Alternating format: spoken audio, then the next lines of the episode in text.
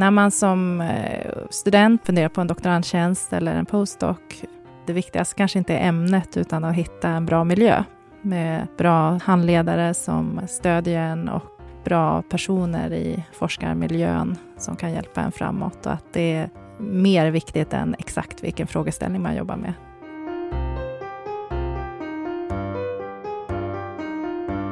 Du lyssnar på Curie-podden, en podd om forskningens villkor.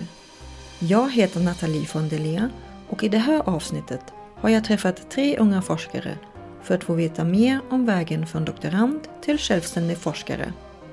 Med mig i studion hade jag Sofia Lodén, forskare i franska vid Stockholms universitet, Tove Fall, forskare i epidemiologi vid Uppsala universitet och Oskar Karlsson Lindsjö, forskare i mikrobiell genomik vid Sveriges lantbruksuniversitet i Uppsala. I det här poddavsnittet diskuterar de självständighet som forskare, forskningsmiljöns betydelse, unga forskares karriärvägar och publiceringar. Välkomna! Kan ni säga några ord om er själva? Jag heter Sofia Lodén. Jag är forskare i franska vid Stockholms universitet och nyantagen som Profetura Fellow vid Swedish Collegium for Advanced Study. Jag forskar om riddarromanen och om hur landskap och gränser skildras i riddarromanen i olika mm, europeiska språkområden. Så det handlar alltså om hur texter översattes mellan olika språk under medeltiden eller skrevs om i mera fri form och vad som hände med mm, alltså beskrivningen av landskap och gränser och, och vad det här säger om till exempel mm, medeltida europeisering. Och jag, jag, kan säga också var jag är i min karriär då, så, så um, har jag precis avslutat VRs internationella postdoc och är nyantagen som Profetura Fellow vid SKAS. Så jag är någon slags post, postdoktor eller vad man ska kalla det. Och jag heter Tove Fall och jag är epidemiolog vid institutionen för medicinska vetenskaper här i Uppsala och jag forskar om vad som gör att några av oss får diabetes och hjärt-kärlsjukdom och hur kan vi förhindra det här? Genom att analysera jättestora dataset, ibland över hela Sveriges befolkning och ibland data som vi har analyserat med väldigt avancerade mätmetoder i blod eller andra biologiska prover från stora biobanker. Och jag har precis fått en fast tjänst som universitetslektor i epidemiologi här på universitetet. Jag heter Oskar Karlsson Lindsjö och jag forskar på mikrobiell genomik av olika slag. Så eh, mikroorganismens genom och arvsmassa. Och eh, det gör jag genom metoder som innefattar storskalig sekvensering och också väldigt stora dataset väldigt många gånger. Och jag befinner mig eh, karriärsmässigt sett i slutet av min första postdoc och är väl på väg att på något sätt etablera mig själv lite mer självständigt. Det här ska ju handla om vägen till självständighet. Så då är den stora frågan, när blir man självständig? Vad tycker ni? Blir man någonsin helt självständig? Inom mitt forskningsfält så beror vi väldigt mycket på samarbete. Jag tar ofta råd och stöd från andra erfarna forskare och även oerfarna forskare som har rätt kompetens. Inom medicin så finns det ju nu många doktorander som står på labb mycket och kanske inte jobbar så självständigt. Men jag tycker att som handledare nu så man måste låta studenterna ha sina egna idéer och få driva vissa spår. Och jag tycker mina handledare när jag var doktorand på SLU inom eh, en avhandling kring hundens diabetes, där de lät mig göra jättemycket själv och komma med egna idéer. Och det har jag stor glädje av hela vägen. Men hände det någonting någon gång när du kände att nu är det jag som driver det här projektet och inte min handledare som kommer med någon idé vad jag ska göra eller så? Ja, men mitt första stora nationella anslag då, när jag fick pengar att anställa en egen doktorand, då kände jag ju att det här är mitt, min egen idé, min egen ansökan och mitt projekt. Och nu har den doktoranden precis disputerat, så det var ju nästan lika stolt som att bli förälder. Sen var också en avgörande sak som hände i min karriär var att eh, vår forskargruppsledare fick en tjänst på Stanford universitetet i Kalifornien. Så att han flyttade dit helt enkelt. Och jag tog över handledarskapet för några av hans anställda och också hela ansvaret som chef över den här forskargruppen. Så att det var ju väldigt så här, definitivt. Det var ett stort steg för mig. Sofia, hur är det inom ditt område? Jag tror att det är väldigt annorlunda om, om jag då ska försöka tala för humaniora, vilket är svårt såklart för att det är väldigt brett och det finns olika vägar till självständighet också där. Så utifrån min egen erfarenhet så var jag ju självständig när jag blev antagen som doktorand faktiskt. Jag hade två handledare som gav mig väldigt stor frihet så givetvis så, så var det väl mycket tack vare dem. Men, men jag tror också att om jag skulle jämföra mig med, med då till exempel dig Tove så tror jag att en, en humanist rent allmänt förväntas vara mycket mer självständig. Alltså man bör definiera sitt eget ämne. Man förväntas driva sin forskning på ett mer självständigt sätt. Samtidigt som ju såklart också i humaniora så är avhandlingen ett slags gesällprov. Det är en forskarutbildning så att handledaren har ju skyldigheten att gripa in om det är någonting som inte är så bra såklart. När vi nu pratar om, om att bli självständig forskare, om jag, för att knyta an till dig Tove igen, så tycker jag att, att jag liksom, vad jag skriver är betraktat det som självständigt ganska länge. Men, men däremot det som kanske händer nu är väl att man går mot mer, att bygga upp någon slags miljö, leda någonting. Och det, det kan ju ta kanske mycket längre tid inom humaniora att bli den här forskningsledaren. Att det är också väldigt svårt att få doktorander. Eller, alltså, det finns inte lika mycket, mycket resurser och inte lika mycket människor. Vi är väldigt få inom varje område. Så att den typen av självständighet är långsam, tror jag. Du då, Oskar, du är ungst här karriärmässigt. Min upplevelse är nog mer åt Sofias håll. Eh, mycket beroende på hur mitt projekt såg ut. Det var ett stort projekt. Det tillkom inte av en slump naturligtvis, det var någon som sökte projektet, men däremot tillkom jag som del i projektet av en slump, att det blev en doktorandtjänst över.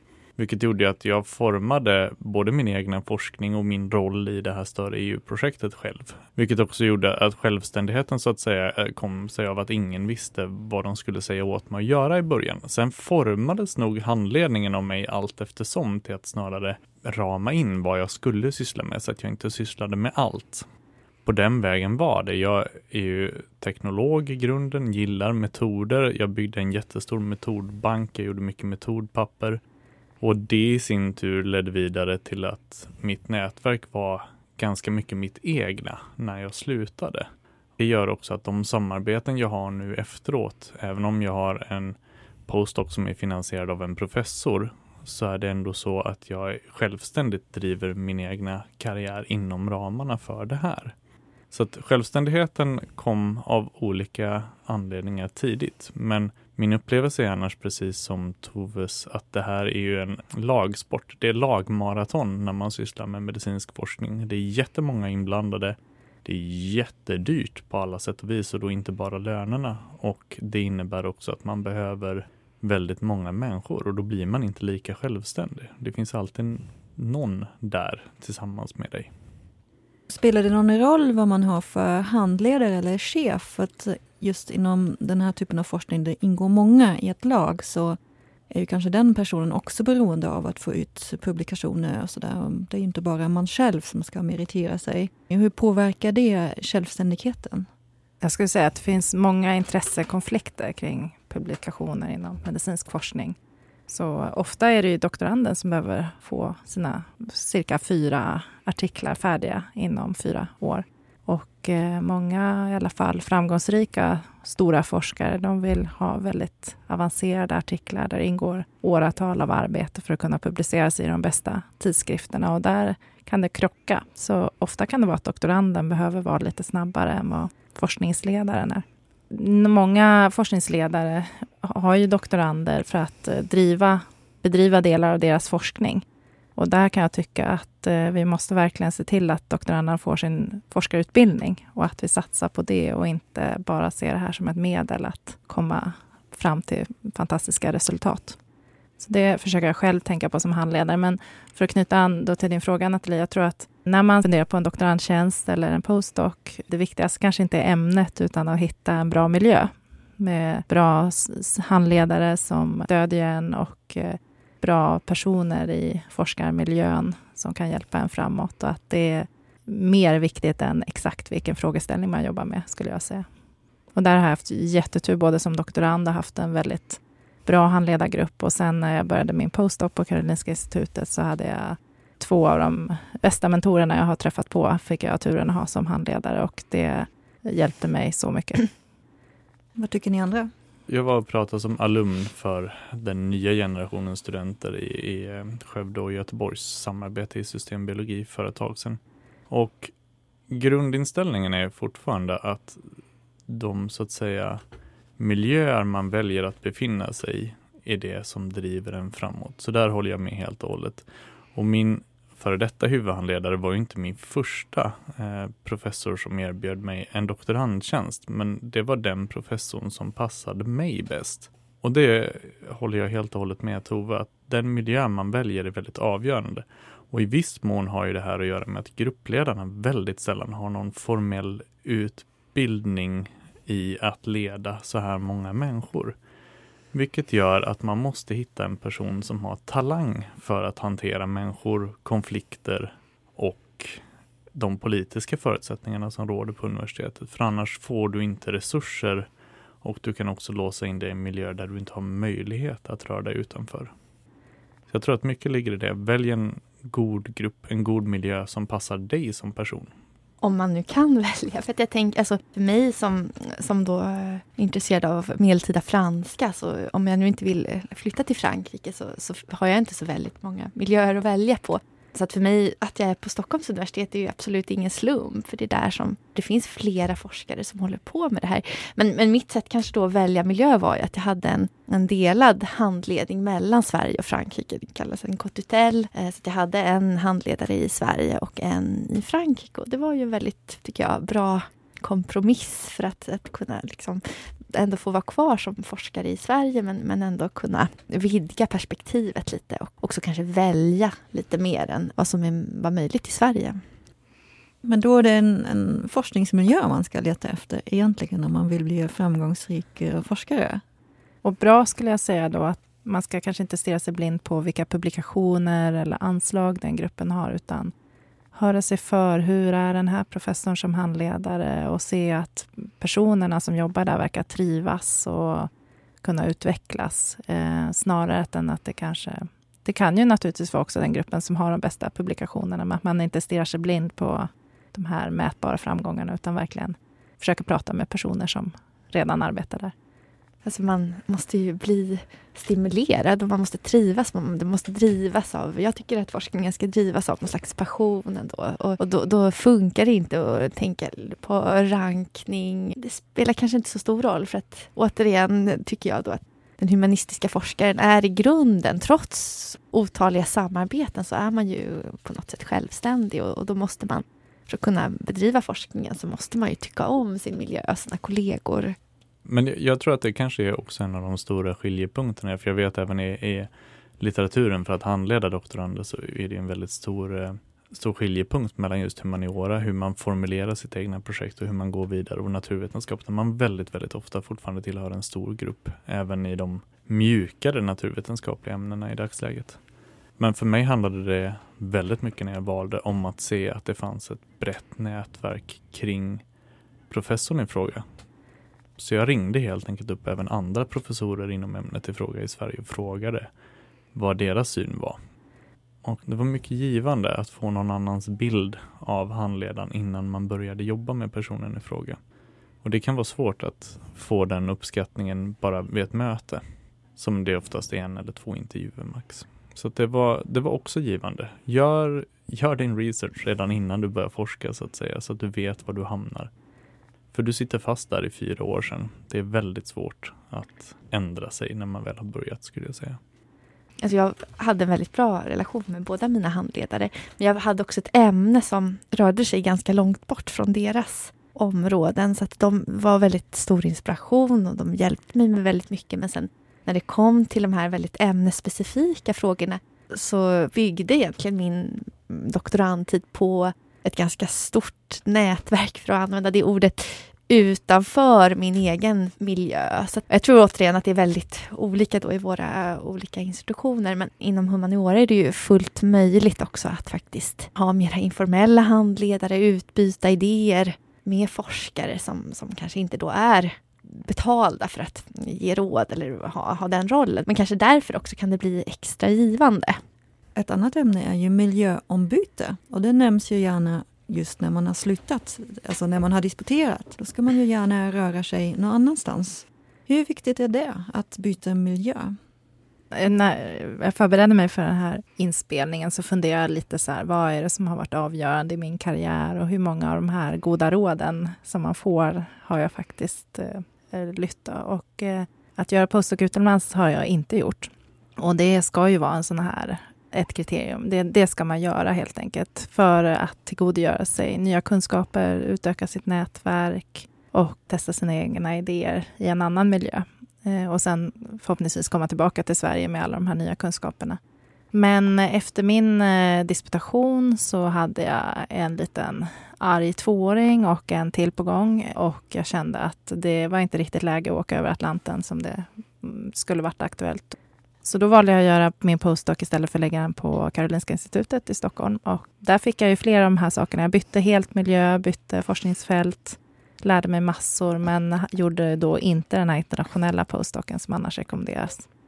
Och det har ju lett till att vissa anslag har varit stängda för mig. Och jag har också hört i vissa utvärderingar att jag har blivit bortsorterad för att jag inte har gjort den här postdocen utomlands. Men å andra sidan har jag byggt upp mitt svenska nätverk och eh, har fått lika mycket nya kunskaper och så som jag tror jag skulle fått i ett annat forskargrupp. Så det har gått bra ändå. Men absolut, har man möjlighet eh, så stick iväg och åk. Träffa nya människor och se hur de har det på andra ställen. Jag då som har varit väldigt mycket utomlands, jag kan ändå bli väldigt arg och dina vägnar. Alltså för mig har det varit avgörande att vara i Frankrike och Italien så är det ju inte för att man åker utomlands i sig som man blir en bra forskare. Det blir ju som någon slags sak man ska bocka av på sin lista. Det handlar ju om vad det, vad det är för forskning man verkligen producerar. Och egentligen så skulle man väl kunna skriva någonting alldeles fantastiskt och stanna i Uppsala hela sitt liv. Alltså det borde inte vara ett krav på det sättet. Om jag då får gå vidare till, till min egen erfarenhet så, så för mig så har det ändå varit avgörande att vara utomlands men det behöver väl egentligen inte vara heller att det ska vara just på postdoc-stadiet. Men, men, men, det är väl snarare att man som forskare måste, tycker jag, acceptera att forskning är internationellt. Alltså idéer är inte knutna till en geografisk punkt eller till en viss miljö eller ett universitet. Utan, utan det är ju någonting som man måste kommunicera och man måste förhålla sig till det forskningsfält som finns. Och, och, och antagligen, om man inte håller på med något väldigt regionalt, så, så har man ju kollegor i hela världen och de behöver man förhålla sig till. Men sen om det är som postdoc eller doktorand eller professor, det kanske har mindre betydelse. Men det viktiga är väl att man är aktiv, tycker jag, i, i ett internationellt utbyte. Men det kan ju vara mejl eller eh, alltså på många sätt, men att man på något sätt bygger upp ett internationellt nätverk. Ja, Oskar, du har ju disputerat på SLU och du är där fortfarande. Hur är det? Då? Det kommer sig av den lite intressanta bakgrunden att jag i princip hade tänkt mig att sluta forska när jag var klar disputerad. Men under perioden mellan tryck och försvar så dök det upp eh, ganska mycket strategiska pengar på SLU och eh, ett antal postdocs öppnade sig inom i princip samma områden. Och eh, jag hade ju mitt nätverk gående, jag hade min, min forskning så att säga pågående vid sidan av med mina kollegor som behövde mig på sätt och vis. Så att jag, jag fortsatte min forskning genom att byta fakultet och på SLU är det inte helt ovanligt att vi hoppar mellan fakulteter för det är väldigt stor skillnad på fakulteterna deras fokus, deras anknytning till industrin och deras forskningsmöjligheter skiljer sig väldigt mycket. Så att för mig så blev det ett stort miljöbyte trots att jag inte befann mig på ett annat universitet, vilket är en väldigt intressant upplevelse. Det är alltså verkligen bara 25 meter, men det känns som en helt annan värld. Eh, både i hur forskningen sker, vilka förutsättningar som gäller, vilken typ av politik som drivs internt i fakulteten. Samtidigt som jag gör behöll jag ju då mina kontakter med sökande till exempel på tidigare fakultet och mitt internationella nätverk. Och då skulle det sägas att mina första tre år som doktorand så reste jag på konferenser eller workshops 17 gånger så de internationaliserade min utbildning ganska hårt i början så att jag har ganska många nätverk och agera som expert utanför den här miljön. Så jag får resa några gånger per år och få ett rejält utbyte. Så för min del så när jag diskuterade med mina mentorer och före detta handledare så fanns det egentligen inget direkt behov av att åka utomlands direkt. Forskningen fanns här, vi var duktiga här. Utan det som ligger till grund då är att bygga ett starkare internationellt nätverk för pengarna. Sen befann jag mig lite i samma situation som Tove också. Jag hade tre barn då, varav en var en arg tvååring när jag disputerade. Så hon var inte på något som helst sugen att åka någonstans.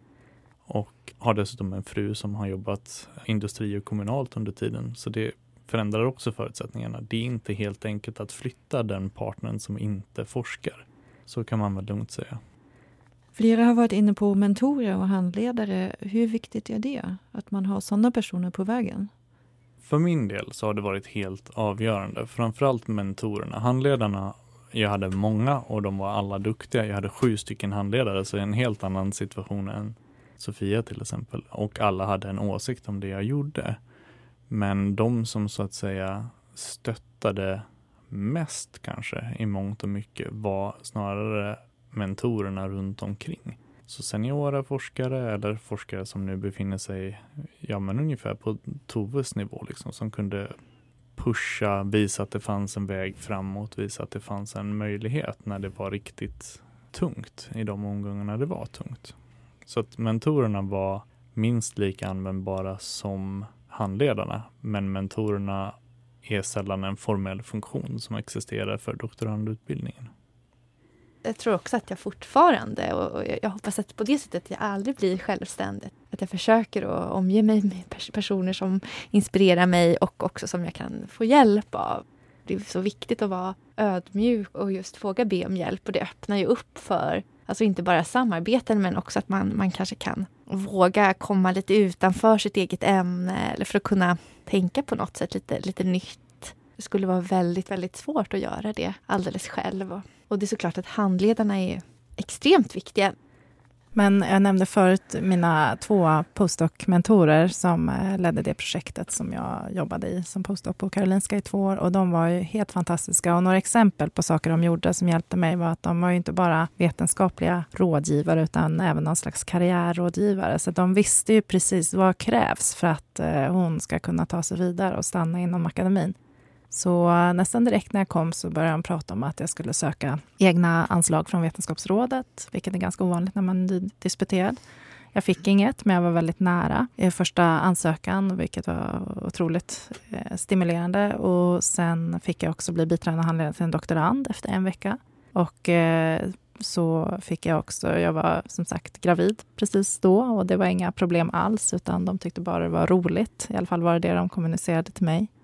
De tyckte även att nu var det dags att börja gå docentkurserna så att jag kunde passa på att bli docent inom ett par år. Så att allt det här var ju väldigt generöst, för det gjorde ju att hade de istället sagt nej, men nu får du jobba på med dina artiklar, det är ju sånt som hade eh, varit mer eh, kortsiktigt till gagn för dem. Men istället sa de, nej men lägg nu den här månaden på att skriva ansökan själv och vi kan hjälpa dig med idéer och utveckla dina idéer och så vidare. Så att det var otroligt generöst och viktigt för min del. Och också inspirerande för mig nu när jag egna post också försöka tipsa dem om samma saker. För det är inte alltid lätt som postdoc att veta vad är det som är viktigt för mig för att kunna ta mig vidare till nästa steg inom det här forskningsområdet. För det finns ju ingen manual, så här gör du, eller hur? Nej, det, vi försöker ta fram en liten eh, karta på vår institution nu. Vilka steg ska man passera och vad finns det för tjänster man kan söka och så vidare. Men det är många grenar på det trädet och jag tycker alla forskare jag pratar med, de har haft sina egna vägar och de alla kan beskriva några avgörande moment, men det är inte samma.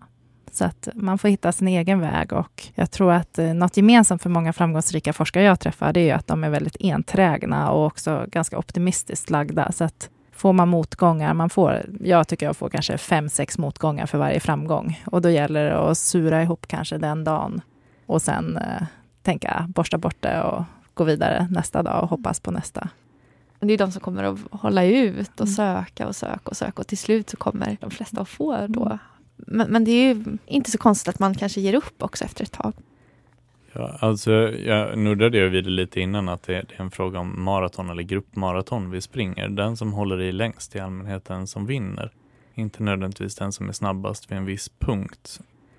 Och det här med att konstant söka och att nu som då jag är bihandledare och två doktorander på grund av ett väldigt speciella område, att det inte var så många som kan det. Och det är otroligt givande att redan nu då propsa på att de är med och söker pengar. Och det är också i viss mån då väldigt givande för min karriär. För bygger man en stark yngre del av nätverket, de producerar absolut mest. Mängden så att säga biartiklar som man hamnar på som inte rör direkt ditt egna forskningsområde men däremot saker runt omkring. Det gagnar din karriär och boostar din karriär något enormt när din forskning kanske kör in i väggen lite då och då för att du inte får medel än just den perioden när du precis behöver det. Om man ska ta något generellt råd som jag har tagit till hjärtat och som de flesta verkar ta till hjärtat är ju att engagera sig i sitt ämne på ett eller annat sätt. Till exempel med att handleda eller vara mentor åt yngre kollegor. För det ger ohyggligt mycket för din förståelse och sen att aldrig, aldrig ge upp. Det är ju svårt att prata om eh, karriärvägar, nå självständighet som forskare och allt det utan att prata om hårdvalutan inom vetenskapen och det är ju publiceringar. Hur är det med det? Hur ska man tänka och hur tycker ni att trenden är nu inom publikationer? Hur ska man tänka framåt? Liksom, hur ska jag lägga upp någon strategi för att publicera mig och ha bra meriter i min ansökan för forskningsmedel? Det här skulle jag kunna prata jättelänge om. Om vi ser till individen nu då, man är en ung forskare som vill lyckas och man ser till mitt fält då inom medicin så gäller det ju framför allt att visa att man eh, bedriver forskning, så gäller det att publicera med jämna mellanrum. Sen beror det nog på vem som bedömer. Många bedömare skriver ju bara ja, den här sökanden hade 23 publikationer. Och så brukar man ju omnämna om eh, sökande har haft en första författarplats eller då har man varit ledare. Ledande yngre forskare har man fått ett sista namn så betyder det inom mitt gebit att man då har varit mer huvudansvarig för forskningen då som seniorforskare och det är också väldigt fint. Andra bedömare går in och bedömer på kanske det som jag tycker är viktigare. Det är ju kvalitet i det man har gjort och läser faktiskt artiklarna man har gjort. Och där är det jättenoga då att vara noggrann när du skriver. Lämna inte något åt slumpen och slarva inte, utan allt ska vara genomarbetat som man publicerar. Men jag tror att som ung forskare så har man inte tid att göra de här stora, jättestora projekten, utan det gäller att få ut artiklar under tiden så man kan visa att jag kan publicera. Och det här tycker jag är jättetrist att det är på det här sättet, att man gör de här mindre artiklarna som kanske inte siktar lika högt, men att eh, det är något som verkar krävas att man gör. Mm. Så jag försöker tänka så att när jag väl nu får mitt mer långsiktiga anslag, det är nu jag kan göra de här stora sakerna. Det är nu jag har möjlighet och resurser att ställa de svårare frågorna och svara på dem och kanske ta mer tid på mig. Men fram tills nu så har det varit väldigt bra att ha många, många artiklar. Jag tror jag har 87 artiklar eller något sånt där och det är någonting som alltid lyser upp min CV och har fått mig att få lättare att få anslag.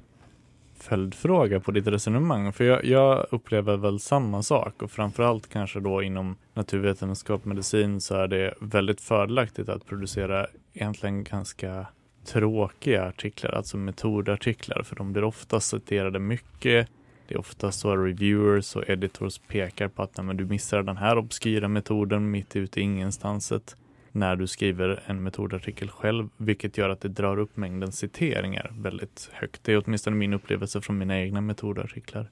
Men vad skulle du säga, så att säga, brytpunkten går? När, när börjar det bli uppenbart att man producerar material bara för att producera material? För det är ju, precis som du säger, risken är att man börjar producera ganska dåliga saker för att det ska ut väldigt mycket väldigt snabbt.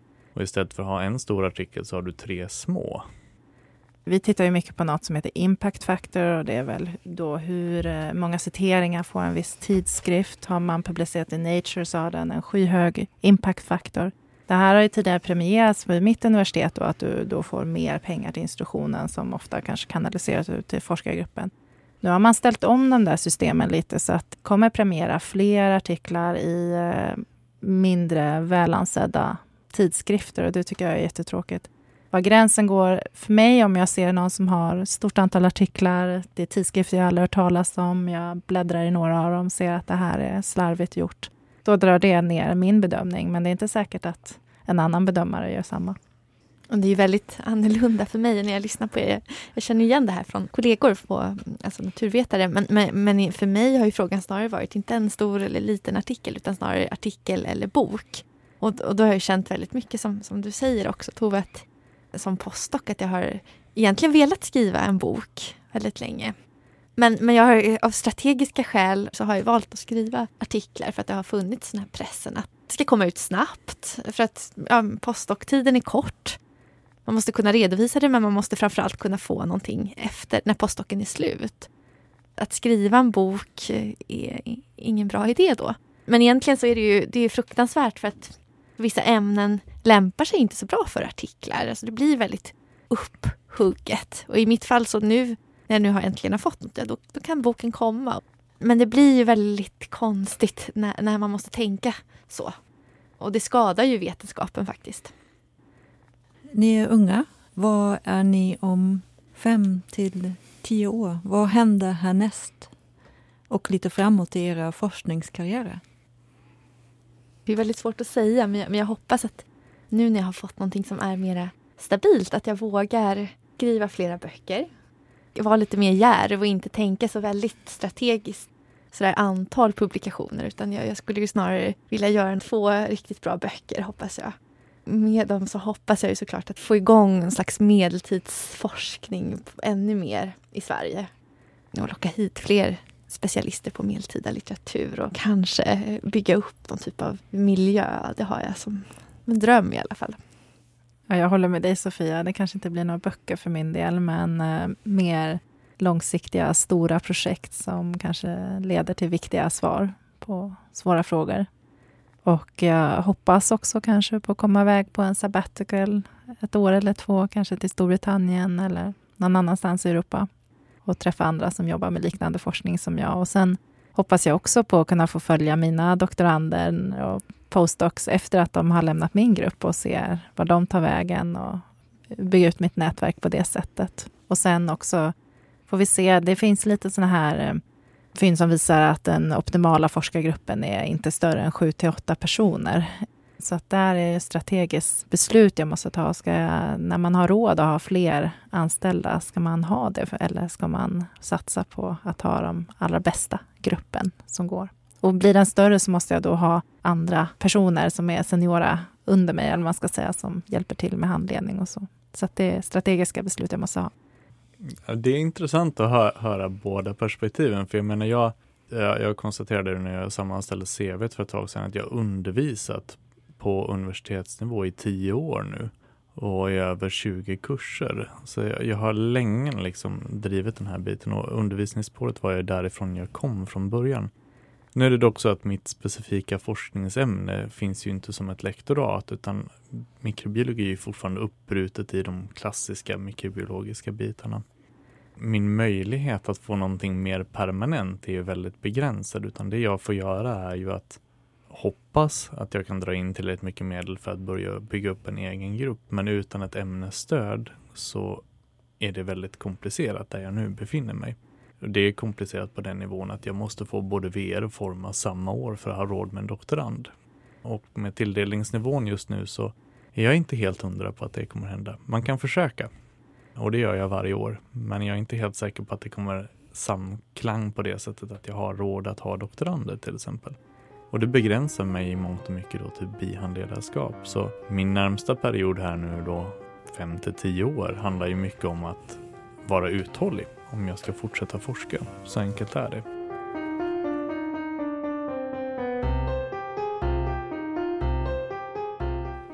Du har lyssnat på Curie-podden, en podd om forskningens villkor.